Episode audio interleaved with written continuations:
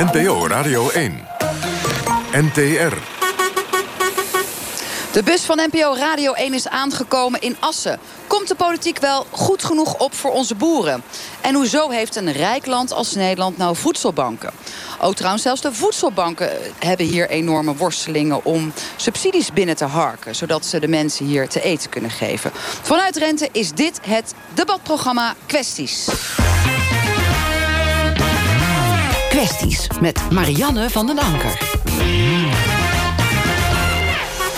Goedenavond. Elke zondag reis ik in deze knalgele bus weer naar een andere provincie... om het vooral met inwoners te hebben over wat hen aan het hart gaat. Welkom allemaal. Ja, jij mag meteen welkom terug zeggen. Hallo. Als we het uh, hebben over uh, een bus die in as staat. Dan hebben we het ook over meekijken, meespieken. Dat kan met onze webcam. Op radio1.nl of via de app. Dan kunt u zien waar we staan op een prachtig pleintje. We hebben net geen avondzond meer, maar daar hebben we wel al middels van kunnen genieten. We hebben het nieuws hier natuurlijk gevolgd. Met elkaar, heel Nederland, namelijk de windmolens. Het was de week waarin er bekend werd dat er veel bedreigingen zijn gekomen. En dat was niet voor de poes, om het maar zo te zeggen. Extreme acties. We hebben dat ook gezien in Groningen. Daarin werd uh, flink gestrooid met asbest op het terrein van de plekken waar die windmolens zouden kunnen komen. Dat is hier in Drenthe ook gebeurd. Er zijn bedreigingen gestuurd, hakenkruizen. Een ondernemer die zich wilde gaan uh, beleggen op de windmolenenergie, die is er zelfs mee gestopt. Dus er zijn hier nogal wat zorgen in de samenleving, maar wellicht ook oplossingen. Daar gaan we het over hebben. Maar eerst spreken we met Jan Nieboer. U bent ondernemer zeer betrokken inwoner. En u bent van de actiegroep Tegenwind Veenkoloniën. Correct. Eerst maar even om alles uit eh, de wereld te helpen. U hebt niets te maken met hakenkruizen, dreigbrieven en het strooien van asbest. Zo is het. Wat vindt u daarvan, dat mensen dat doen? Ja, ik vind het een, eh, een ramp dat, uh, dat dit gebeurt. Ik uh, keur het ook keihard af. Hè. we moeten in Nederland ons bedienen met democratische middelen... en absoluut geen strafbare feiten plegen. dus het is goed dat daar een grote rechercheteam opgezet is... om te kijken wie dat, wie dat gedaan heeft, wat die mensen te vinden zijn. Maar goed... Ehm, Begrijpt u hun zorgen wel? Ik begrijp hun zorgen wel. Ehm, jij weet waarschijnlijk hoe het gelopen is. Hè. De overheid en de partijen die dit plan doorgedramd hebben... of beter doorgeramd hebben. Ja, het klimaatdoel, ja, die schieten op deze manier een eigen voet. En wat beweegt dan mensen, want ze kunnen zich ook aansluiten bij uw actie tegenwind. Kan het op een nette manier? Wat beweegt dan de mensen die toch overgaan tot nou, het strooien van asbest, sturen van dreigbrieven, plaatsen van hakenkruisen? Ja, nou bij ons hebben ze natuurlijk giga veel mensen aangesloten. Uh, gelukkig maar. Uh, wij hebben ook voor al die mensen allerlei uh, juridische procedures afgelopen. Maar het klapstuk daarvan in negatieve zin was eigenlijk de uitspraak van de Raad van State een jaar geleden, 21 februari 2018.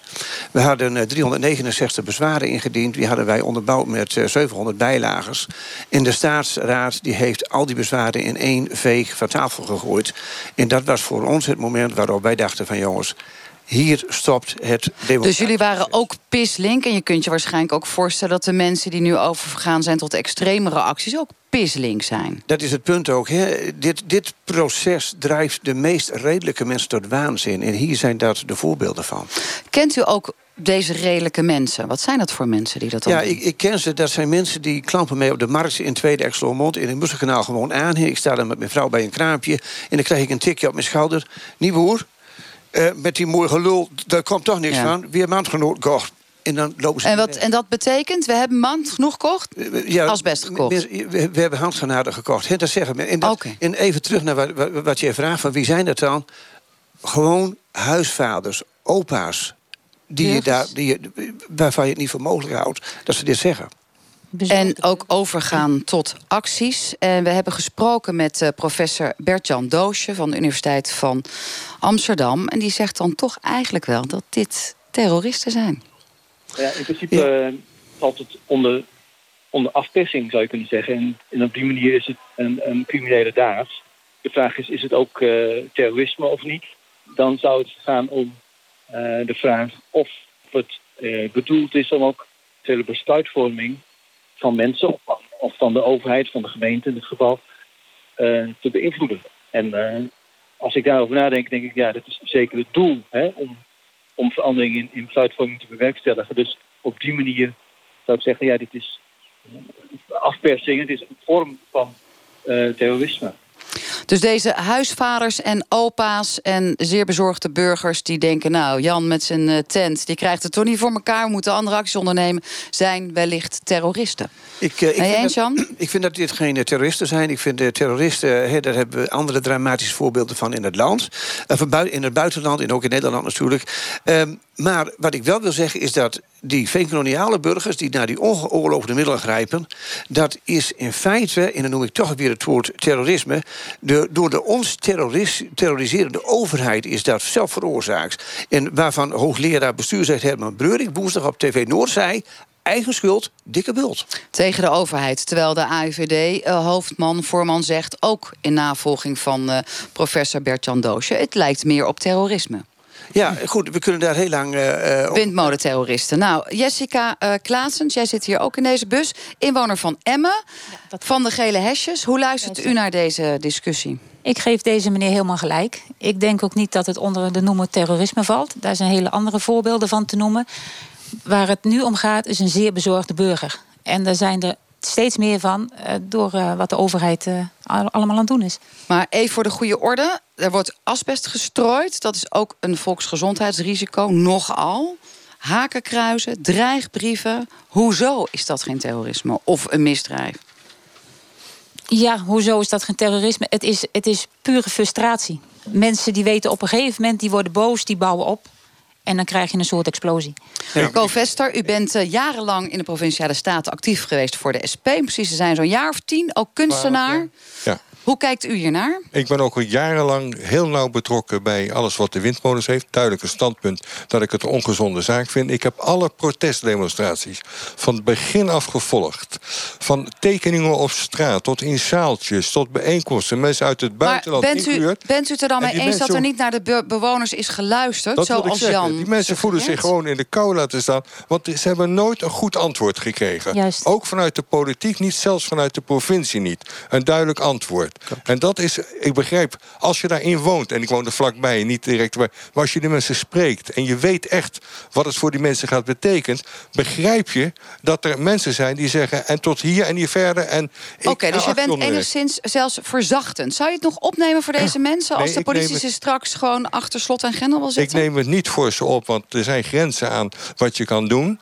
Maar de, ik vind dat ze een grens te ver zijn gegaan. En ik zie nog wel andere mogelijkheden om het protest verder te gaan. Niet alleen juridisch, maar ook als bewoners veel duidelijker. Ik kan, dat is dan ook weer een actie niet mag, maar als je de boel gaat blokkeren, een wegblokkade gaat doen, dan zal het ook alweer als terrorisme of als niet. Uh, wat zijn dan wel oplossingen? Want je hebt in de politiek gezeten, jarenlang vanuit de provincie hebben jullie ook degene, uh, zeg maar, uh, zijn jullie degene geweest die ook vergunning heeft kunnen verstrekken? nou, het is natuurlijk er doorheen gedrukt door die uh, Rijkscoördinatieregeling. Mm -hmm. En we hebben als politiek weinig kunnen doen. Maar zelfs de initiatieven die binnen de staten zijn genomen... van denk eens over na, zijn de alternatieve plekken waar de molens kunnen staan. Die werden allemaal afgeschoten. En die vind ik dat de politiek ook in, in Drenthe... De, de inwoners vanuit de, waar het om gaat in de kou laten staan. Maar als ik dan even goed samenvat... dan hoor ik eigenlijk de lokale politiek heeft niks kunnen doen... de provinciale politiek heeft niks kunnen doen... dus het is alleen maar de schuld van Den Haag. Nou, ik denk dat, uh, dat de, de, de, politiek wat meer had kunnen doen. Zeker ook uh, gemeentelijk. Joran Lars. Ja, maar dan, dan denk ik dat we het punt toch een beetje voorbij zijn. Wat we hier ook allemaal er wel over eens zijn... is dat de politiek hier schuld betreft. Hè? De politiek had anders moeten handelen. Maar wat er hier nu gebeurt, is dat er gewoon... Wat bedoel je met hier? De, gebeurt? Als ik kijk de dreigementen, de, de, dreigementen hè, de, de acties die zijn, worden gevoerd... die worden gericht aan ondernemers.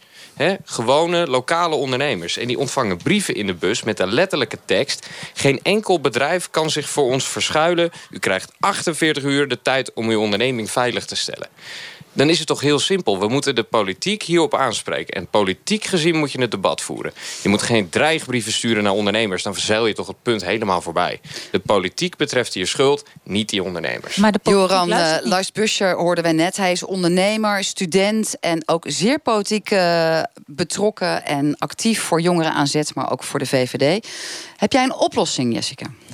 Nou, wat is een oplossing? Wat ik weet, en dat is dat een derde van de molens... die staan gewoon niet aan, die staan uit. Waarom moeten er dan nog steeds meer bij komen? Dus je zegt eigenlijk, zet die huidige aan? Ja, Begin daar eens Begin daar eens mee. Jan, heb jij een oplossing vanuit heb- jullie actie tegen? Zeker, ik heb meerdere oplossingen. Ik heb de beste oplossing al in eh, eh, 2015 overhandigd aan ons, of 2018 eh, overhandigd aan ons koningspaar. Wind, eh Nou. zonnepanelen. Ehm, ehm, hè, we hebben daar ook nog eens één Tweede Kamerbesluit voor nodig. Van jongens, hou op met windturbines. We hebben ons vergist. We dachten dat het draagvlak was. Dit leidt tot een burgeroorlog. Want mensen leggen zich er nooit bij neer. En als ik nu kijk, als er nu in de Tweede Kamer Maar is dat wordt... een burgeroorlog? Ik bedoel, het, ik, jij beschreef net al hoe heftig het kan zijn. Als jij Ja. en je vrouw op de markt lopen, jullie worden aangeklampt. Ja. Eh, we hebben ook begrepen dat het communities, hè, dus hier hele dorpen uiteen rukt. Hè, mensen die voor en mensen die tegen zijn. Maar een burgeroorlog hier rondom Nou ja, het uh, eh, het is een, een, een zware term, maar wat ik dus begrijp is... eh, en ik heb natuurlijk, ik- ben autochtoon, ik woon in, ik ben in dit gebied geboren... mensen spreken mij in het dialect aan. Die zeggen gewoon van Jan, ik en wij leggen ons er nooit bij neer... als die dingen gebouwd worden, ze gaan aan de vlakte. Oké. Dus- Dus, dus dat, zijn ook stevige dreigementen. Nou, zei je, ik heb in 2005 al iets aangeboden aan het Koningspaar misschien. Hè, want Forum van Democratie heeft het hier ook aardig goed gedaan. Ja. Eh, die zijn voor een referendum. Misschien een referendum, is dat een oplossing? Nou, ik, ik denk als je. Wij hebben al een referendum gehouden. We hebben een eh, draagvlakonderzoek gedaan. Dat Henk Kamp in die tijd zei dat het draagvlak voor windturbines. Oud-minister voor Economische De Zaken. oud-minister van Economische Zaken. We hebben dat weggezet onder 15.000 veenkoloniale inwoners. Daar is. Z- 8000 mensen hebben daarop gereageerd. Dat was een gigarespons. En meer dan 82% zei geen windturbines. Dus dat referendum is er al. Is het onder de gele hesjes, Jessica, ook echt een, een, een zeer stevig gevoeld iets? Die windmolens die dan er doorheen gedrukt worden? Ja, het is natuurlijk eh, plaatselijk. Dit is echt wel Drenthe.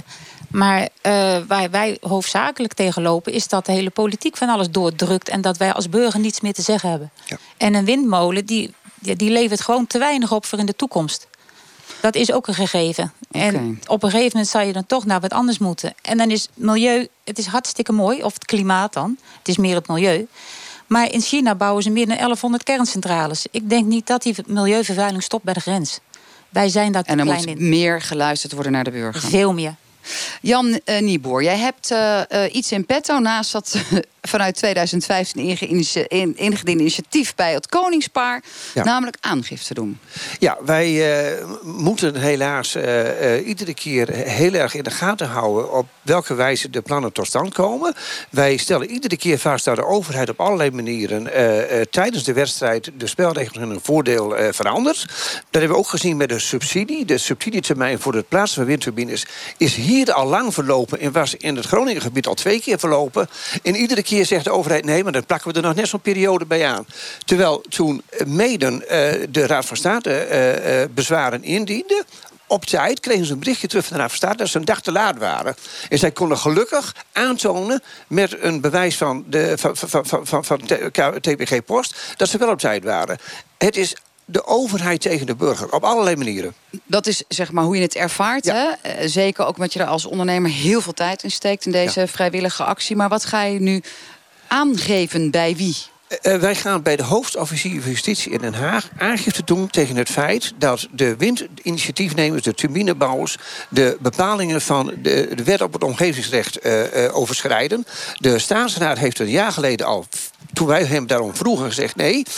Deze windinitiatiefnemers die moeten, als alle vergunningen verstrekt zijn, u uitgebreid informeren vooraf over wanneer en wat ze gaan doen. En dat is een misdrijf conform het strafrecht. En daar gaan jullie aangifte Zo doen. Nou, dat houden we in de gaten. Nog, we hebben één laatste vraag. Want in Groningen is er met asbest gestrooid. Hier in Drenthe ook.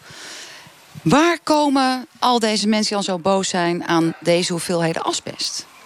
Heeft iemand daar een idee van? Jij zei net al, ja, ik pak een handgranaat. Dat zeggen ze tegen ja. mij. Maar hoe kom je aan asbest? Ik, ik, ik heb geen idee, maar wat ik weet is dat er een heleboel boerderijen eh, en schuren zijn waar nog asbest op ligt. Eh, En dan gaan ze met. Maar, maar dan denk ik ook echt.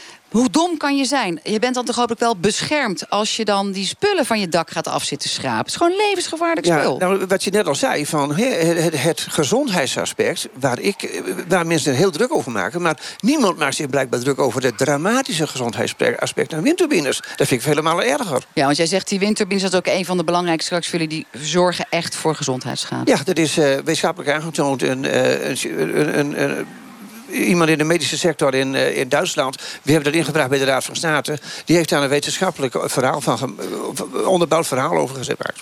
Ik zie dat Co eigenlijk wil reageren. Nog een heel debat wil gaan ontketenen over of windturbines nu wel of niet slecht zijn voor de volksgezondheid. Asbest is dat in ieder geval wel. En dank dat jij in ieder geval, Jan, hebt willen toelichten dat jij in ieder geval op een eerlijke, legale manier het met praten op wil lossen. En we gaan het natuurlijk volgen op de voet. We praten hier met onze bus bij kwesties over ook nog een aantal andere onderwerpen die hier spelen in Drenthe. Onder andere of dat er wel genoeg wordt opgekomen door de politiek voor de boeren. We hebben een boerin hier in de bus. Maar eerst voedselbanken in Nederland. Want hoezo hebben we zoiets als voedselbanken in een van de rijkste landen ter wereld? En hier in Drenthe moeten voedselbanken zelfs voor geld bedelen om te kunnen overleven en mensen te kunnen blijven helpen. Omdat de subsidies weg aan het vallen zijn. Zoals altijd praten wij in kwesties ook met mensen die het zelf ervaren. Zijn we heel erg blij, Willeke, dat jij als vrijwilliger weliswaar... en niet als iemand die zelf een pakket komt ophalen bij de voedselbank... toch kan vertellen hoe het dat er in deze regio aan toe gaat. Wat voor uh, mensen komen er uh, bij de voedselbank, Willeke Hoiting? Er komen bij de voedselbank verschillende mensen. Het, het kunnen de mensen zijn die hier ook zitten. Uh, het kan je ook nou, ik stel je vraag, komt iemand voor jullie bij de voedselbank? Nog niet. Nee, maar jij wil zeggen, het, is, het gebeurt eigenlijk op Ja, het zijn niet de mensen waar, waar het stereotype beeld van mensen die uh, checkie rokend met een uh, blikje bier s ochtends uh, de straat inlopen. Nee, het zijn gewoon mensen, ook mensen die werken. En het, ja, daarom zeg ik, het, het, het kan ook jij zijn. Ja, dus het klassieke beeld dat wil je nadrukkelijk weghalen. Ja. Het kan ons allemaal overkomen, maar ze ja. komen ook allemaal bij jullie, bij de voedselbank. Al die eh, verschillende gradaties. Ja, mensen met een ja. koopwoning die in de problemen zijn gekomen. Werkende zelfstandigen. Mensen na een echtscheiding. Ouderen. Ook, en heel veel mensen met kinderen. Dat is, dat is natuurlijk wel heel triest om te zien. Wat zit er in het pakket wat jullie aanbieden hier? Ja, dat is, elke week is dat anders. Wij proberen in ieder geval drie à vier dagen uh, dat mensen kunnen uh, eten. Een volledige maaltijd kunnen maken. Ze kunnen, als ze willen, elke dag vlees. Wij hebben een hele, heel goed aanvoer van vlees. Verse groenten valt helaas wat tegen. Uh, we proberen wel, of dat we dan met schenkingen, financiële schenkingen, dat we zelf nog wat, wat verse groenten kunnen ophalen. Ehm, ja, en brood. Dus, uh, dat de vezels, ja. ja. Dus je probeert natuurlijk zo gezond mogelijk te doen. Ik hoor alle mensen die dan aan het luisteren zeggen... ja, vlees is helemaal niet gezond. Zeker niet voor die kinderen. Kunnen beter inzetten op groenten. Maar is er een reden waarom die groente aanvoer van groenten niet lukt? Nou, dat zijn natuurlijk verse producten. En uh, verse producten, als die... Uh, wij hebben op uh, dinsdag, woensdag en donderdag de uitgifte. Als jij op vrijdag verse producten krijgt... dan gaat een heel weekend overheen. Ja, dan is het niet meer vers. Het verlept, ja. dat het, ja... Dus dat is wel, en het moet ook allemaal vervoerd worden. Verse producten moeten ook, ook gekoeld vervoerd worden. Dat is natuurlijk ook een, een enorme operatie. Je had het net over kinderen, waarvan jij zelf zei: ja, er komen er echt wel veel van. En toen merkte ik ook aan jouw stem dat je zoiets had, dat vind ik eigenlijk wel heel naar. Ja. ja. Gaan komen kinderen ook mee die pakketten ophalen? Ja, meestal niet. Maar heel af en toe komen ze wel mee. En dan, dan, dat is dan natuurlijk ook heel schrijnend. Want dan denk je van: goh, die ouders hebben dus niet de kans gehad om uh, in hun eigen netwerk mensen te vinden om even op te passen om even, even dat het kind niet geconfronteerd wordt met het ophaalmoment bij de voedselbank. En dan komt er zo'n jochie van een jaar of zes naar me toe. En ja, heel vriendelijk. Goh, heeft u nog wat lekkers voor me? En dan mag ik misschien een appel? Nou, wij hebben nou altijd een bakje. En ik weet, snoep is niet gezond. Maar uh, ook een kind van de voedselbank mag af en toe wel eens wat lekkers.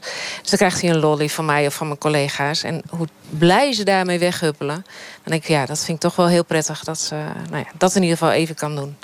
Dus uh, ja.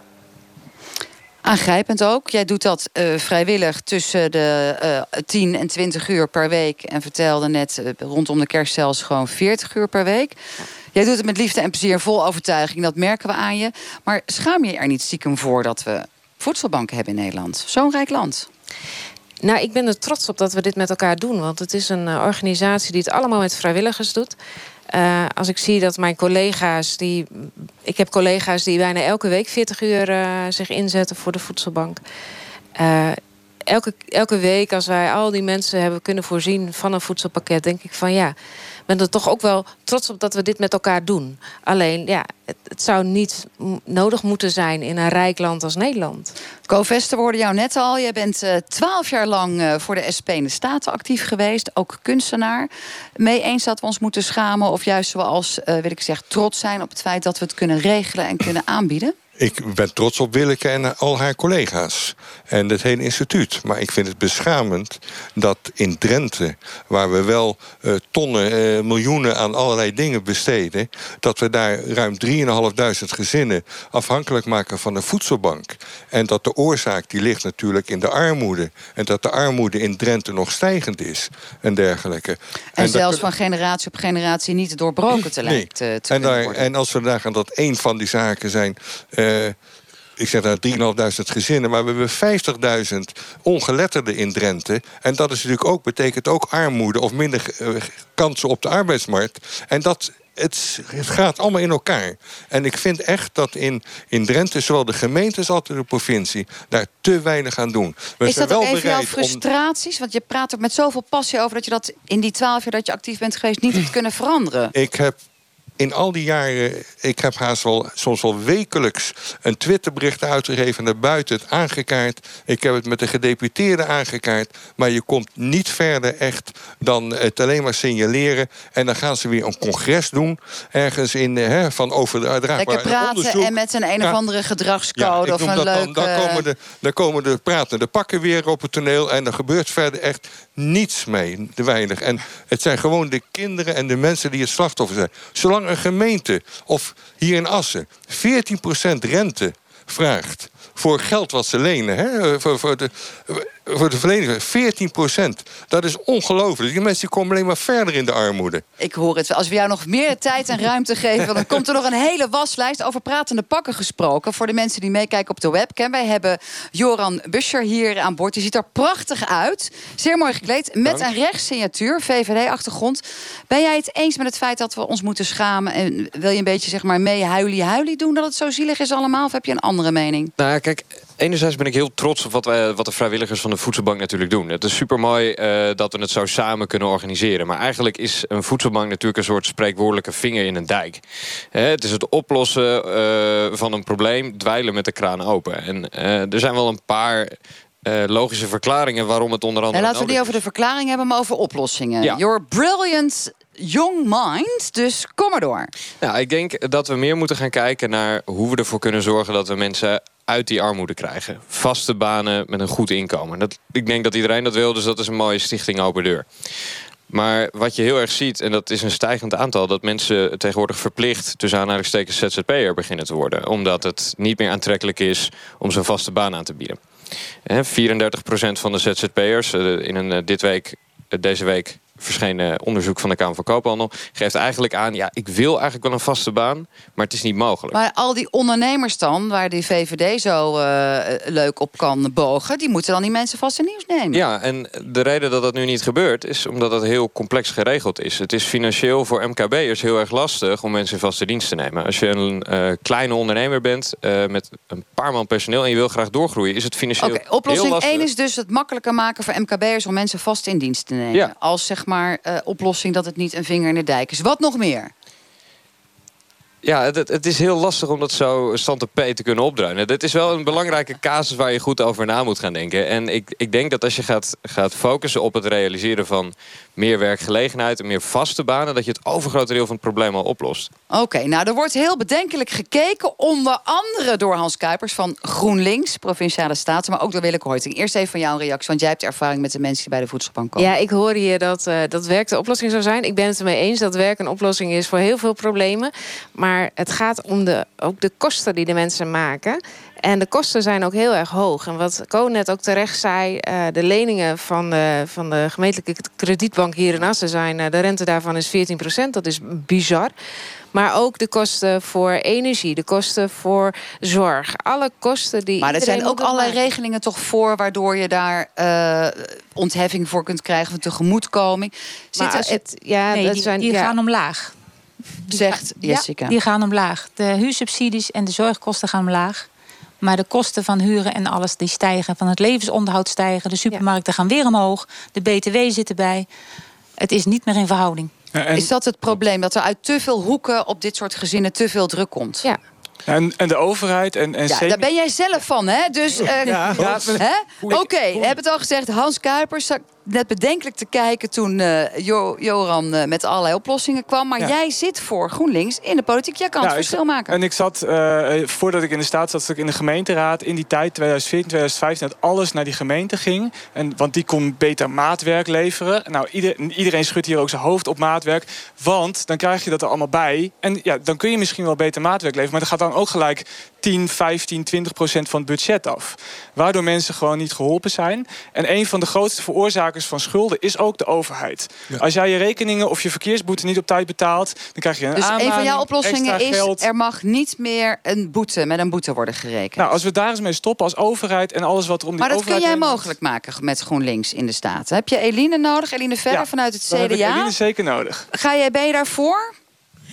Nou, het- ehm, als de overheid eh, een onderdeel is van, van het probleem, dan moet je daar natuurlijk wat aan doen. Dat lijkt me duidelijk. Oké, helder. Je bent daar in ieder geval is wel op provinciaal niveau. Kunnen jullie iets betekenen? Want de voedselbank Willeke eh, die heeft net aangeklopt bij de gemeente. Ze hebben in ieder geval de gemeente Assen een kleine toelage gekregen. Maar bij de provincie zijn jullie daar al langs geweest?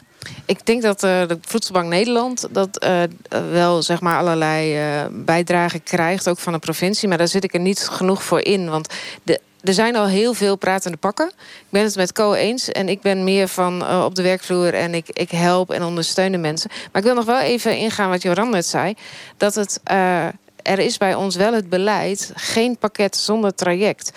Er komen bij ons mensen en die eh, kunnen niet zomaar aankloppen en zeggen zo van ik wil mijn boodschappen nu.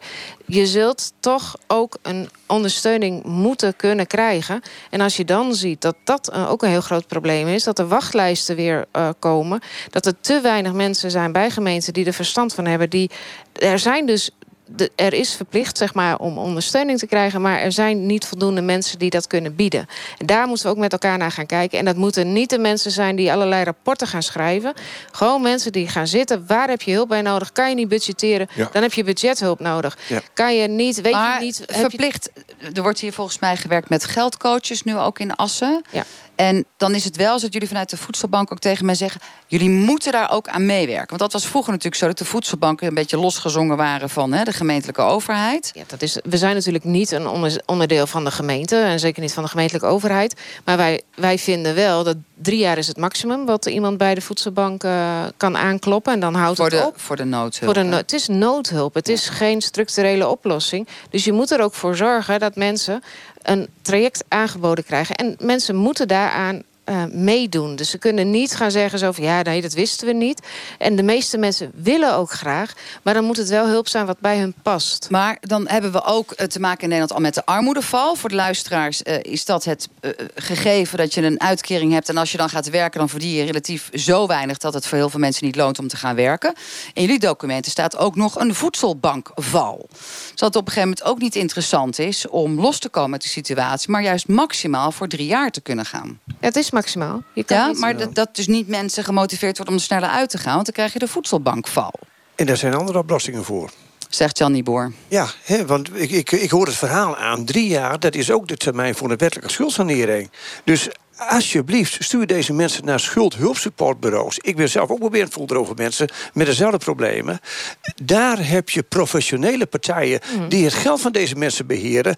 Die dus ook gewoon naar de voedselbank toe kunnen gaan dan. Maar waarbij achter de schermen ervoor gezorgd wordt dat deze mensen uit hun schulden komen. Zit jij een beetje op te winden over het feit dat we voedselbanken hebben... of dat de overheid niet intelligent genoeg de boel op elkaar plakt? laatste, ik vind dat die, die voedselbank, dat is een vangnet, daar ben ik heel blij mee. Hè, want dit is echt een oplossing voor die mensen. Maar wat jij zegt, die overheid moet actiever optreden. Die moet die mensen veel sneller naar een schuldhulptraject sturen. En ik heb voorbeelden van mensen die er twee jaar op wachten. Hmm. Maar de schuld ligt We veel hier, dieper bij de. Schuld ligt nog veel dieper bij de overheid. Als je kijkt naar de gemiddelde collectieve lastendruk van alle OESO-landen... dan zit Nederland maar twee treetjes onder Frankrijk. We hebben een collectieve lastendruk van 38,8 procent. Dat is voor alle landen hier in de regio heel erg hoog. Wat dus inhoudt dat je enorm veel geld van wat je in de maand ontvangt, gewoon uitgeeft aan de overheid. Als we dat nou weten terug te dringen, dan. Zo, we gaan vanaf de OESO, wat wel oh, overigens heel goed is opgemerkt van jou, Joran Bussenaar. Hier de voedselbank in, eh, in Assen. En er zijn natuurlijk nog meer hier in deze regio. Ja, ik- jullie daar- zitten ik- zelf ik in de problemen. voedsel- ik werk bij de voedselbank in Gieten. Ja. hè. Dat is even voor eh, Ja. dat mensen in Assen nou niet denken... Dat de mensen uit de eh, OESO-landen denken... oh ja, Oh, waar zijn we nou ja. terechtgekomen? Ja. Wat hebben jullie nodig de komende periode? Want jullie zitten in de subsidieproblemen en de geldproblemen zelf. Eh, nou, het zou, het zou fijn zijn wanneer we eh, weer voldoende producten krijgen. Dus dat er ook een goede aanvoer is. Mijn collega en ik zeiden laatst ook al van... eh, ja, het, het begint langzamerhand leger te worden in de schappen. Wij moeten wel elke week weer zorgen dat er, dat er pakketten goed gevuld zijn. Dat er ook producten zijn, niet de chips, de energiedranken... en, en al dat spul wat we niet kunnen gebruiken. Wat natuurlijk wel af en toe wel fijn is. Maar behalve dan energiedrank, dat, dat geven we niet uit. Maar dat er voldoende producten zijn, maar dat ook gemeentes mee gaan denken over wat kunnen we gezamenlijk doen. En, de provincies niet, want je hebt hier nu twee mensen... en Eline Verder en vanuit GroenLinks eh, Hans Kuipers... die gewoon willen meewerken. Ja, ik denk, ook dat, ze. ik denk ook dat de provincie daar een bijdrage in kan leveren. Nou, Maar goed, top. dan komt En daar dan zijn ze toe goed in bereid. Drenthe, want de Partij van de Arbeid is de grootste geworden. Dus eh, neem, neem ik aan dat, dat, een, eh, dat het goed gaat komen. En dan heb ik nog een aanvulling. Tot, eh, tot zover dit onderwerp eh, over de voedselbanken. maar Zo direct. eh, zeggen, omdat Och, op- Ko, jeetje, nou, nee, kort! nee, omdat wat dat ook oplost. Dat is van in Bijlen is dan ook nu niet alleen de voedselbank, maar de kledingbank gekomen. Waar de mensen één keer per maand gratis kleding kunnen halen. En dat drukt dus ook, geeft ook weer op bij de, in die mensen de armoede enige ruimte. En dat vind ik een heel goed idee dat er ook in Drenthe kledingbanken komen. Nou, zo direct eh, discussiëren wij eh, verder in deze pus over de politiek again... en of zij boeren wel voldoende ondersteunen. Maar we gaan eh, eerst natuurlijk met een aantal andere punten verder. Want hoe zou het nou zijn als je met elkaar hier vaststelt dat wij allemaal prachtige oplossingen kunnen verzinnen voor maatschappelijke kwesties, als we eens even gaan naar een belangrijke bekende Nederlander hier uit de regio die ons vertelt hoe je ook een oplossing kunt vinden voor menselijke kwesties en wie voor jou het verschil heeft gemaakt in een mensenleven. En wij hebben, eh, vinden het hartstikke leuk dat we Jannes voor u aan de telefoon hebben gehad. Daar komt hij. De mensen die mij hebben gestimuleerd zijn toch mijn ouders en eh, daarbij mijn familie. Eh, het begon allemaal, ja, eh, ik was altijd wel een jongen die toch meedeed aan eh, playback show en alles, et cetera, et cetera. Mijn vader draaide veel muziek, was DJ bij de voetbalclub. Muziek en voetbal, ja, dat is toch vaak Nederlandstalige muziek. Eh, na de voetbal, mijn carrière als keeper, die was niet goed genoeg. ik ga voetballen als gewoon linksbuiten, toen die tijd bij het derde elftal. Weer een bierelftal, zeg maar. Na afloop eh, onder de douche gezongen en stimuleerde om te zeggen: van, we gaan toch iets meer doen. Nou, familie, vrienden die hoorden dat. En eh, nou ja, ik, ik, ik zag mensen blij worden van, eh, van, ja, van muziek. Dus ik denk, ja, het zou wel leuk om, te, om, om zelf iets te gaan doen. Mijn vader en moeder hadden een cd-winkel. En nou ja, het duurde me even, zat ik in de studio. Ik nam hier en daar wat liedjes op. En ik, ik, ik, als er muziek was of een feestavond was, nam ik de microfoon en ik ging wat zingen. Ik keek naar mensen, familie, vrienden en die waren ja, enthousiasme ja, van mezelf, maar ook van de familie. Dat om te zeggen, daar ga je iets mee doen. Al dus de Drentse zanger Jannes. Zo zie je maar dat steun van je familie echt het verschil kan maken. Kwesties met Marianne van den Anker. Een belangrijke pijler voor Drenthe is ook de landbouw. Maar steeds meer boeren gaan hier failliet. Of ze stoppen ermee en hebben geen opvolger. De wetgeving wordt strenger, de druk vanuit natuurbeschermers steeds groter. En daarboven komt Daarbovenop komt ook nog eens die extreem droge zomer van 2018. Bij mij in de bus hier in Assen zit een boerin die net provinciale staten het is geworden. Je hebt haar al eerder gehoord vanuit het CDA. Eline Verder, welkom. U bent een van de bekendste boeren van Nederland, hebben we begrepen. Volgens Arjen Lubach. Nou ja, maar niet alles wat Arjan Lubach zegt is ook waar. Maar als we googelen op vrouwelijke boerin, komt u wel elke keer naar voren. Ja, dat, eh, die kans is wel aanwezig, ja. Dat klopt. Ehm, zelf ook een boerenachtergrond? Nee, ik ben eh, niet geboren op het boerenerf. Dus ik ben eh, een soort zij-instromer, zou je kunnen zeggen. En eh, dat vind ik ook wel mooi, want dat geeft ook eh, eh, dat ik met een blik van buiten zeg maar, naar die agrarische sector kan kijken. Voor u was het wel een reden om politiek actief te worden... om juist de belangen van de boeren te behartigen. Wat gaat er nu niet goed? Welke belangen zijn het allerbelangrijkste om te behartigen? Oh, waar begin ik? Nou, top drie. de- een top drie. Oh, dat vind ik al heel riant dat ik een top drie mag zeggen. Ja. Wel een beetje wat bij, mij, snel, wat bij mij bovenaan staat, is dat eh, eh, we hebben met z'n allen als samenleving een bepaald systeem gebouwd voor onze voedselvoorziening. eh, in, na de Tweede Wereldoorlog met dat thema nooit meer honger. Nu komen we erachter dat, dat aan dat systeem ook nadelen zitten. En willen we eigenlijk wel graag dat dat anders gaat. En wat ik dan zie gebeuren is dat die verandering, die verantwoordelijkheid daarvoor... alleen op het boerenerf eigenlijk over de schutting wordt gekieberd. Van, nou, dus we willen het zo graag hebben. Red hoe de met, zeggen ze dan hier. Hmm. Succes dus de ermee. boeren worden eigenlijk door de politiek ook een beetje in de steek gelaten. Hoor ik dat tussen de Ehm. regels door? Of te veel verantwoordelijk gemaakt voor alles wat onze Ik voedselvoorziening vind dat daar wel meer kan gebeuren, ja. Want als je weet dat de marges ontzettend klein zijn in die sector... en eh, de investeringen die boeren hebben gedaan heel erg groot zijn... dat ze een grote financiële verantwoordelijkheid hebben genomen... om ons voedsel te produceren. En ehm, daar, daar moet je rekening mee houden, vind ik. Ik vind dat we veel van onze boeren kunnen vragen en kunnen verwachten... want Nederlandse boeren zijn tot heel veel in staat.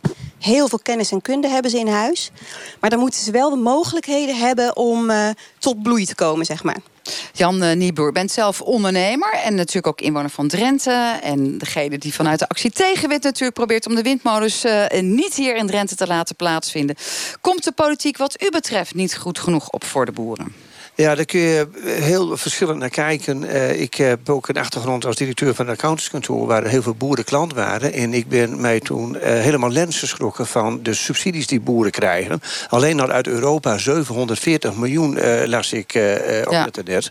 daar ben ik van... Dat is alleen nog maar Europa, hè? Dat is alleen nog maar Europa. Want Carola Schouten heeft ook nog voor de innovatieve boeren... voor de jonge boeren, overal is een subsidie voor qua hele lijst. boeren. En dan heb ik het nog niet over allerlei fiscale voordelen... Hè, die ook heel veel geld opleveren. Dus ik denk, als ik naar de boeren kijk... dan denk ik van, nee, die moeten we niet meer subsidiëren. Als ik kijk naar het bedrijfsleven... die kan nooit op subsidies of overheidssteun Worden ze wat u betreft gepamperd? En heeft dat een, misschien ook wel een leuke CDA-historie? Nou, ik, ik, ik denk, eh, ik weet niet of dat nou juist een CDA-historie is... maar de boerenlobby, die hebben we met de windturbines ook gezien in Den Haag... die is geweldig sterk. Ik zou ook eh, nog steeds op willen roepen voor... Hè, we hebben het kinderpeton gehad, een windturbine, pardon. Hè. Eh, linkt eh, natuurlijk de onderwerpen allemaal. Maar, Maar- jouw maar- punt is dat jij zegt... de boeren moeten eigenlijk niet klagen. Er zijn te veel subsidies... en we gaan dat niet nog eens een keer met allerlei gepemper... en nog meer Nee, subsidies. nee daar als je even wil doen... dan moet je misschien minder verantwoordelijkheid bij de boeren neer. Eline verder, natuurlijk wil je daarop Ja, reageren. natuurlijk wil ik daarop reageren. Want ik vind dat je dan moet kijken waar komen die subsidies vandaan? Hoe zijn ze ontstaan? En dat is om boeren eh, na de Tweede Wereldoorlog in staat te stellen om efficiënt goedkoop voedsel te produceren. Dat was de opdracht. Er moest voor iedereen betaalbaar voedsel eh, in de supermarkt liggen, altijd.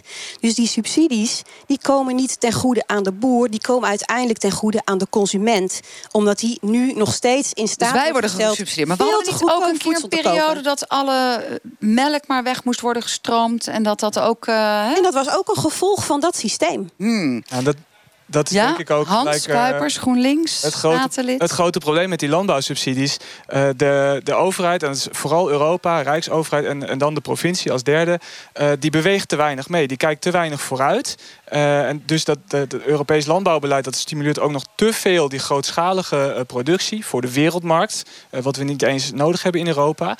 En waar je dan tegen, als je dan tegen grenzen aan begint te lopen van volksgezondheid of als de natuur daar te veel last van krijgt, dan wordt er opeens met een soort noodmaatregelen ingegrepen waar de boerensector de dupe van is. Zeg jij dan vanuit GroenLinks... laten we alleen maar produceren voor wat we zelf nodig hebben... in de nabijheid van de straal van Nederland? Nou ja, je, je ziet nu, we produceren voor de wereldmarkt. Dat gaan we altijd verliezen. Want we zitten hier gewoon in een, in een vol land. Hoge grondprijzen. En die boer die krijgt steeds minder.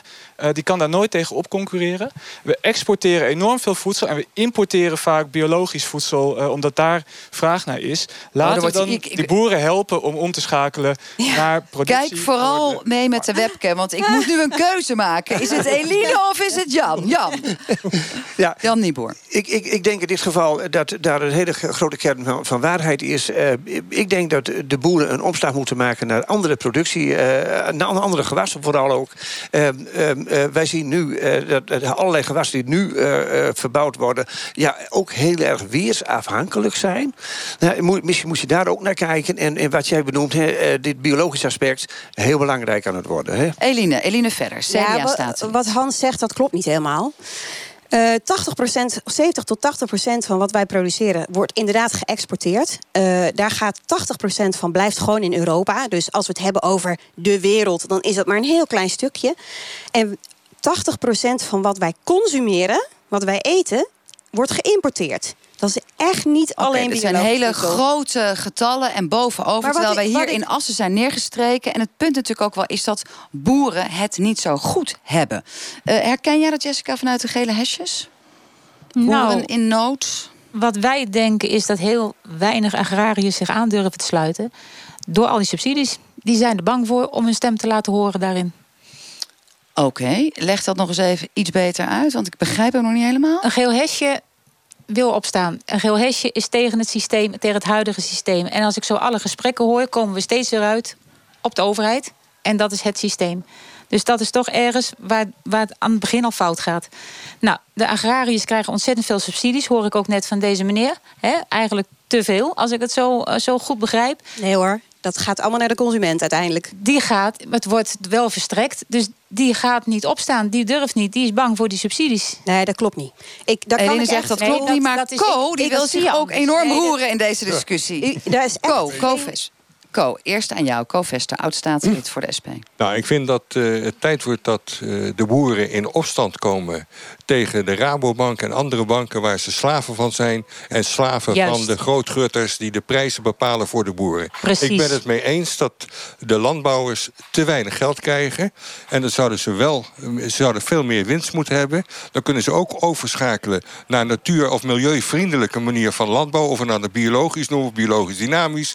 Maar dan hebben we niet niet meer uh, de gele akkers die we nu zinnen in Drenthe. De, de Roundup-akkers en de pesticide-akkers en dergelijke. Dus en de, de verdeling is niet goed. We moeten in opstand komen als boeren. Klassiek standpunt van de SP. Maar natuurlijk ja. door Co hier helemaal tailor-made gemaakt. Ja. Maar klopt het dat boeren aan de hand zitten van... Nou ja, de Rabobank, nou, zoals dat noemt, of de grote kapitalisten? Wat ik net zei, het voedselsysteem zoals we die hebben gemaakt... die, nee. die wordt gedreven door efficiëntie, schaalvergroting. En dat klopt. En ik, ik zou er ook echt voor pleiten dat we die subsidies, die GLB gelden veel meer gaan inzetten om boeren die uh, maatregelen nemen voor, voor duurzaamheid, om die daarvoor te compenseren. Want wat je ziet is dat dat soort kosten worden niet uit de markt teruggehaald. En, en daar zit ook de wetgeving zit daar echt in de weg. Want ACM let nu alleen nog maar op. Kan de consument uh, voedsel kopen voor de goedkoopste prijs? En kijkt eigenlijk niet naar, verdient de boer ook een eerlijke prijs? En tegelijkertijd zijn er ook recent best wel wat fraudeschandalen dan te vinden. Dus het is toch lastig om te begrijpen voor degene die niet op het boerenerf rondloopt. Van ja, tot welke waanzin zijn nou de boeren gedreven? Of hoe erg klotst het geld daar uh, rond in de stallen? Ik denk dat het een symptoom is van een systeem wat Elina? niet meer klopt. Jan, een, uh, een prachtig voorbeeld daar nog overheen. Ik weet natuurlijk uit mijn beroep dat heel veel akkerbouwers financieringen bij de Rabobank hebben. Soms is dat 2, 3, 4 ton. Hè? En dan is 30 of 60 hectare grond is onderpand.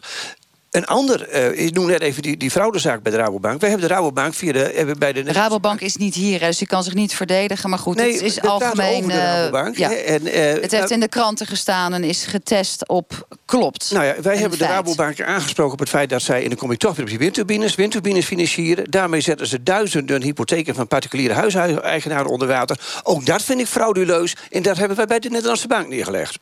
Oké. Okay.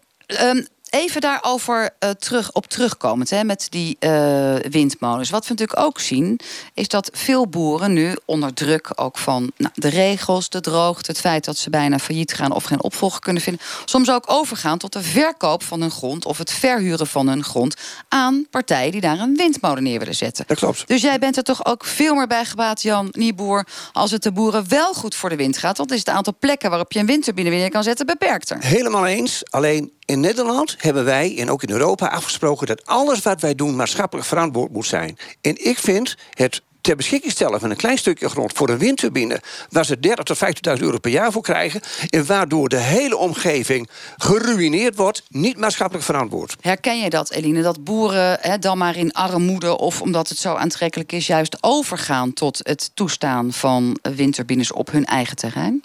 Ik weet wel dat er collega's bij mij in de buurt worden benaderd door projectontwikkelaars. Uh, dan niet voor windmolens, maar bijvoorbeeld voor zonneparken. Uh, en dat de, de prijzen voor voor, per hectare die worden geboden vaak welk gewas dan ook overstijgen. En, eh, maar ik denk, ik denk ook dat het daarom ook heel belangrijk is wat je, wat je nu in Drenthe ziet gebeuren. En daar ben ik echt wel trots op trouwens. Een van de weinige provincies in Nederland dat uh, boerenorganisaties en natuurorganisaties samen optrekken en samen uh, definiëren van wij willen een, uh, dat de boer toekomstperspectief heeft en we, dat we samenwerken naar een duurzame wereld. Dus je moet veel meer elkaar vasthouden, minder tegenover elkaar gaan staan, maar gewoon naast elkaar gaan staan. En dan kunnen we in Drenthe echt wel mooie dingen doen, denk ik. Ja, Drenthe staat daar ook voor op de kaart. Hè? Dat je Zeker. op die manier die samenwerking proberen. Worden echt door andere provincies naar gekeken. Ja, Hans, trots op vanuit GroenLinks. Nou, dat is, is ook fijn dat ik hier naast, uh, naast Eline zit. Maar uh, we hebben uh, een aantal problemen die, waar de landbouw tegenaan loopt. Dat moet je ook gewoon samen met natuurorganisaties oplossen. nu alle akkers zijn, zijn oranje van de glyfosaat. Nou, mijn mailbox als GroenLinks... Wat is dat, glyfosaat? dat is zeg maar Roundup. Uh, al die akkers worden platgespoten door een aantal boeren trouwens. Uh, maar uh, mijn mailbox als GroenLinks is stroomt gelijk weer vol. En dat, is, dat is gewoon ook niet goed voor de sector. Die staat er weer niet mooi, mooi op door die maatschappelijke druk. ja, dan moeten we toch gewoon weer meer natuurinclusief gaan boeren. Naar andere oplossingen daarvoor. Hetzelfde geldt eigenlijk voor die, voor die droge zomer vorig jaar. Ja, de, de landbouw is gewend super lage waterpeilen in het gebied. ja, als je dan één keer een droge zomer krijgt, is al je water ook, ook weg. Zo snel mogelijk hoe kijk jij daar tegenaan? Is dat een eigen risico van de boer... al dan niet in samenwerking met al die natuurorganisaties? Uh, nou ja, in zekere zin, er ligt een belangrijke uh, verantwoordelijkheid uh, bij de sector. Wij zouden ze graag helpen toch ook het pijl weer te verhogen in landbouwgebieden. waardoor je ook meer... En hoe dan? Daar gaan wij betalen dan als belastingbetaler. Want nee, dat waterpeil, dat wordt nu, nu wordt alles zo snel mogelijk afgevoerd naar het IJsselmeer. Al het water dat valt. Als we dat nou vasthouden in die gebieden... dan moet je wel op een andere manier je landbouw gaan, gaan vormgeven. Maar je uh, hebt niet, niet meer zo last van uh, droge, droge zomers. En de biodiversiteit in het gebied is er enorm bij gebaat. Dus je vangt daar eigenlijk twee uh, klappen, uh, uh, drie of... Nou, ik, oh, Jan Nieboer zegt drie. Voor landbouw en voor natuur. Jan, jij bent ondernemer, jij bent belastingadviseur. Jij hebt op elk onderwerp in deze uitzending... een stevige mening en inhoudelijke inbreng. Hoe kijk jij er tegenaan of het wel of niet een eigen risico is... als boer als we toevallig droogte hebben? Want dat geldt ook voor mensen die terrassen runnen. Mensen met de strandhoreca, mensen met campings... mensen met, nou ja, wij spreken winkels vol met zomerkleding. Ja. Uh, die, uh, ja. Nou ja, wat jij zegt, natuurlijk is dat een uh, risico van de akkerbouwer zelf. Maar even aansluiten bij wat Hans zegt. Als je maar blijft verlagen van het waterpeil. en ook verbiedt om grondwater op te pompen. dan creëer je zelf een groot probleem. Ik heb een derde oplossing. Ik sta net even de vinger ja, op. Ja, dat is... Immers, Jij hebt meegekregen dat er sprake is van enorme veenoxidatie... doordat de grondwaterstand te laag is. Dus als we het dan hebben over CO2-oplossingen... ik kom weer terug op die ellendige windmolens... verhoog dan het waterpeil... dan hebben we daar een enorm groot CO2-voordeel mee bereikt. Eens. Hans zegt eens. Eline, ja. verder vanuit CDA? nou, ik ben het er niet mee eens. Ik vind dat je niet zomaar kan zeggen... we gaan in dit hele veenweidegebied uh, de boeren eruit jagen. Uh, er zijn ook een heleboel andere uh, oplossingen... zoals onderwaterdrainage mogelijk. En daar moet veel meer onderzoek naar gedaan worden... om te kijken of we die gronden op, op dubbele manier kunnen, kunnen benutten. Zitten de boeren eigenlijk allemaal een beetje op één lijn? Want ik hoor allerlei verschillende standpunten. Soms denk ik wel eens, wat vinden de boeren eigenlijk zelf? Nou, ik weet niet of hier heel veel verschillende boeren uh, nu aan... Nee, niet. Maar, nee, nee, maar, dat jullie contact CDA's van, van oudsher toch een partij waar veel boeren ziet, bij... De, de, Nederlandse landbouw is ontzettend divers. Dus natuurlijk zijn we het ook regelmatig niet met elkaar eens. Ik vind die diversiteit ontzettend belangrijk. Dus ik zou echt nooit ervoor pleiten om te zeggen... we gaan de hele landbouw biologisch doen bijvoorbeeld. Die diversiteit is belangrijk voor weerbaarheid... om van elkaar te kunnen leren. Je kan alleen maar afkijken bij iemand die anders is dan jij. Um, maar dat betekent ook dat je het af en toe uh, over sommige dingen met elkaar oneens bent. Dat klopt, maar dat geeft niet. Het belangrijkste wat bovenaan staat is dat je als boer wil je gewoon gezond voedsel maken in een mooie leefomgeving voor een prijs die dat ook dat verdient. Oké. Okay. En daar aan het laatste Dat is een hele mooie lange toverzin. Ik ga naar Jessica Klaasens toe. Ja. Jij zei, nou, bij ons bij de gele hesjes sluiten de boeren zich niet aan. Dat um, wij, ja, want ieder is voor zich natuurlijk. Bij dat bij het onderwerp uh, boeren en Drenthe moeten we toch vaststellen dat het met een fix aantal boeren hier toch niet echt goed gaat. Je ziet veel meer faillissementen. We hebben natuurlijk ook in de rest van Nederland gezien dat veel boeren zelfs overgaan tot het plegen van zelfmoord. Hoe kijk jij vanuit hè, de gele hesjes? Ik weet dat jullie geen standpunt hebben als nee. gele hesjes. Maar hoe kijk jij daar, Jessica, tegenaan? Wat moeten we wel doen? Wat zijn de oplossingen wat jou betreft? Voor de boeren? Ja. ja Ehm, daar ben ik, om heel eerlijk te zijn, even te weinig van op de hoogte. Om, ik hoor nou heel veel eh, diverse standpunten. Ehm, maar we gaan Ja, ook nog ja. even aan. eh, We hebben hier eh, Joran. Joran Lasbuscher. Jij hebt echt vanuit jouw jong zijn, jouw student zijn, jouw ondernemer zijn, jouw slim zijn, vast hier een idee over. Hoe gaan we de boeren steunen? Nou, kijk, ik, ik hoor hier een paar dingen. En, en, en dat is onder andere dat we de subsidies maar eh, wat meer omlaag moeten gaan draaien. Die Nou ja, en alleen produceren voor het binnenland, voor wat we zelf nodig en, hebben. En, en wat ik vervolgens hoor is dat eh, ja, als er een droge zomer is, ja, eigen schuld, dikke bult. Ja, ik denk dat het elkaar een beetje in de hand werkt. We moeten boeren wel goed voldoende blijven ondersteunen. Want wat er heel erg gebeurt is dat we met z'n allen voor een dubbeltje op de eerste rang willen zitten. We willen niet te veel betalen Juist. voor onze bloemkool en onze kip. Eh, vinden dus- biologisch vaak net de- een tikkeltje te de- duur. Ja, het is zo duur. Ja, ik ga niet eh, zoveel euro voor een kipje betalen. Ja. En, en dat helpt die boeren niet. Daardoor moeten ze hun marges laag houden. Daardoor kunnen ze zelf die droge zomers bijna niet financieren. Omdat die marges, die kun je gewoon niet opsparen. Dus die subsidie is wel nodig. Kijk, als we met z'n allen nou gewoon eens bepalen... ja, we gaan weer gewoon wat meer betalen voor ons stukje vlees en onze bloemkool. Dan kom je al een heel eind. Oké, Eline verder. Dat is een mooie steun vanuit de VVD-hoek, zal ik maar zeggen. Is het wel jouw idee dat uiteindelijk het, de boerensector subsidieloos door het leven zou moeten kunnen gaan? Dat, dat zou betekenen dat de markt moet betalen wat de samenleving wenst te ontvangen. En je ziet nu dat de samenleving eisen stelt die de consument in de supermarkt niet bereid is om te betalen. Maar daarmee zeg je eigenlijk, het is geen gezonde markt. Het zal altijd gesubsidieerd moeten blijven worden, dat hele boerenbestaan Ja, zo- en al die wij boerenbusiness. geen- zolang wij in de supermarkt niet boter bij de vis doen met wat we eh, hier in de bus zeggen dat we willen hebben, ja, dan blijft daar dus een gat ontstaan en dat gat wordt opgevangen door de boer. Hans Kuipers, GroenLinks, kijk je er ook zo tegenaan? Nou, Altijd subsidies nodig voor het boerenbestaan? Nou ja, maar liever niet, hè, gaan- voor de duidelijkheid. Er, gaan, er gaat gewoon in Europa gaan miljarden subsidies rond in, eh, in de agrarische sector. En je ziet dat die subsidiestroom veel te weinig maatschappelijk gericht is. Is veel te veel op, op, ge- gewoon op gericht op productie. En er zit veel te weinig die maatschappelijke drang. Mensen willen wel graag liever biologische producten, maar die zijn veel te duur. Die subsidiestroom die moet meebewegen. Maar met het wat kan toch ook zo zijn, ik zit maar even voor de laatste minuut van deze uit. Ik krijg straks enorm op mijn kop dat ik een nieuwe discussie genereer. Maar je zou toch ook kunnen zeggen, de boeren zijn misschien veel te veel gewend geraakt aan subsidies. Waardoor ze niet eens meer kunnen bedenken dat ze, net als een normale ondernemer, het zonder subsidies moeten doen. Nou, dat is echt onzin. Weet je, waarom, weet je waarom daar een groot verschil in zit met een normale markt? Een normale markt die drijft op vraag en aanbod. Maar als we het hebben over voedsel, accepteren wij niet dat er een gebrek is. Dus een tekort wordt niet geaccepteerd. Dus een normaal vraag- en aanbodsysteem is er helemaal niet. Jan Niebuhr? En biologische producten zijn natuurlijk niet te duur, hè? Want dat zegt Hans wel. Ze zijn te duur. Dus dat is natuurlijk niet waar. We hadden in de laatste slotseconde van deze uitzending over of het boerenbestaan altijd gesubsidieerd zou moeten blijven. Ik, ik denk dat we daar niet naartoe moeten. En ik denk nog iets anders. Heel belangrijk, we hebben in Nederland 150 volksvertegenwoordigers. En die volksvertegenwoordigers roep ik bij deze op, alle problemen die we hier besproken hebben, om eindelijk het volk te vertegenwoordigen en niet zichzelf. Want daar zit volgens mij een heel groot probleem. En dan wil ik vergeten- Laten we ook alsjeblieft niet vergeten dat we trots mogen zijn op een provincie. waarin natuurorganisaties en boeren elkaar goed hebben gevonden. en heel mooi samenwerken. Echt. Dat is een voorbeeld voor de rest van Nederland. Zeker En dat is echt zo, want dat zie je als je een beetje eh, onderzoek doet. Terugkomen over Drenthe en de boeren. We hebben het hier gehad natuurlijk ook over de voedselbank en over de windturbines. Tot zover kwesties vanuit Assen. Ik dank alle inwoners en gasten hier in de bus van NPO Radio 1. Het is aan de politiek om iets te doen met jullie zorgen en oplossingen die jullie hebben aangedragen. We hopen dat we volgende week u kunnen trakteren op een fantastische uitzending. Want dan gaan we het hebben over de Caribische delen van het Nederlandse Koninkrijk. Zo direct Radiodoc met een radiodocumentaire over de bizarre avonturen van It's the Een jonge man die op een dag besloot om af te reizen naar Japan. Niet met een vliegtuig natuurlijk, want dat zou te gemakkelijk zijn. Hij nam de fiets. Dat na de nieuwsupdate van de NOS.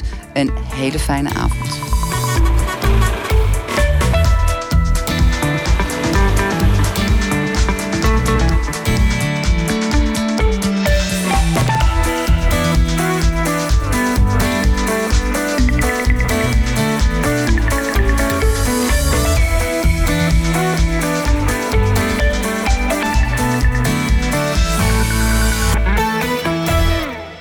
NPO Radio 1 Podcast. podcast. Ieder van de nieuwe ridders legt daarop in handen van Hare Majesteit de eed af. Het is het verhaal van Jos Gemmeke, onderscheiden verzetsheldinnen uit de Tweede Wereldoorlog. Eerst mevrouw Fik Gemmeke, de eerste Nederlandse vrouw na prinses Wilhelmina...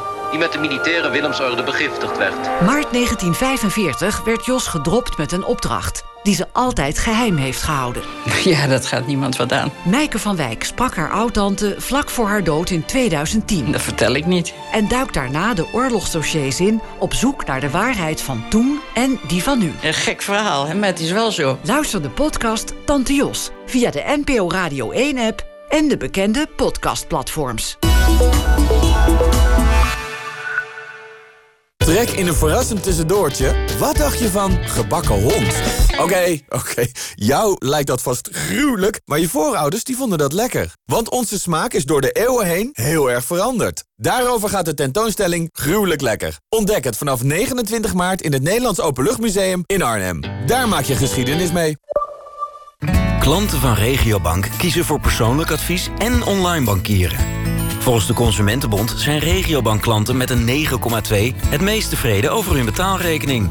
Open ook een betaalrekening en krijg een cadeaubon van 25 euro van een winkel in de buurt. Kijk op regiobank.nl voor de voorwaarden of ga langs bij uw zelfstandig adviseur.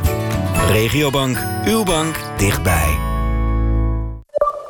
Wij van Veenstra snappen het gevoel van veiligheid en warmte. Oplossingen om uw woning veiliger, comfortabeler en duurzamer te maken.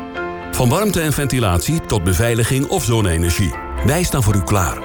Zo zijn wij van Veenstra. Dat is een mooie shortlist. Vijf boeken op weg naar de verkiezing van het managementboek van het jaar. Op 18 april. Kijk voor uw favoriet op managementboek.nl slash shortlist. Heeft uw cv-ketel kuren of is hij ouder dan 15 jaar? Kijk nu op veenstra.com. Natuurhuisje.nl Waar je ook op vakantie bent deze zomer. Kijk live op de Leeuwinnen wereldkampioen worden. Met Kanaal Digitaal op vakantie kijk je bijna overal in Europa live Nederlandse televisie. Dus geen gedoe met wankele wifi. Ga naar kanaaldigitaal.nl en kijk nu tijdelijk de eerste maand gratis. Kanaal Digitaal. Ontdek iets bijzonders. NPO Radio 1.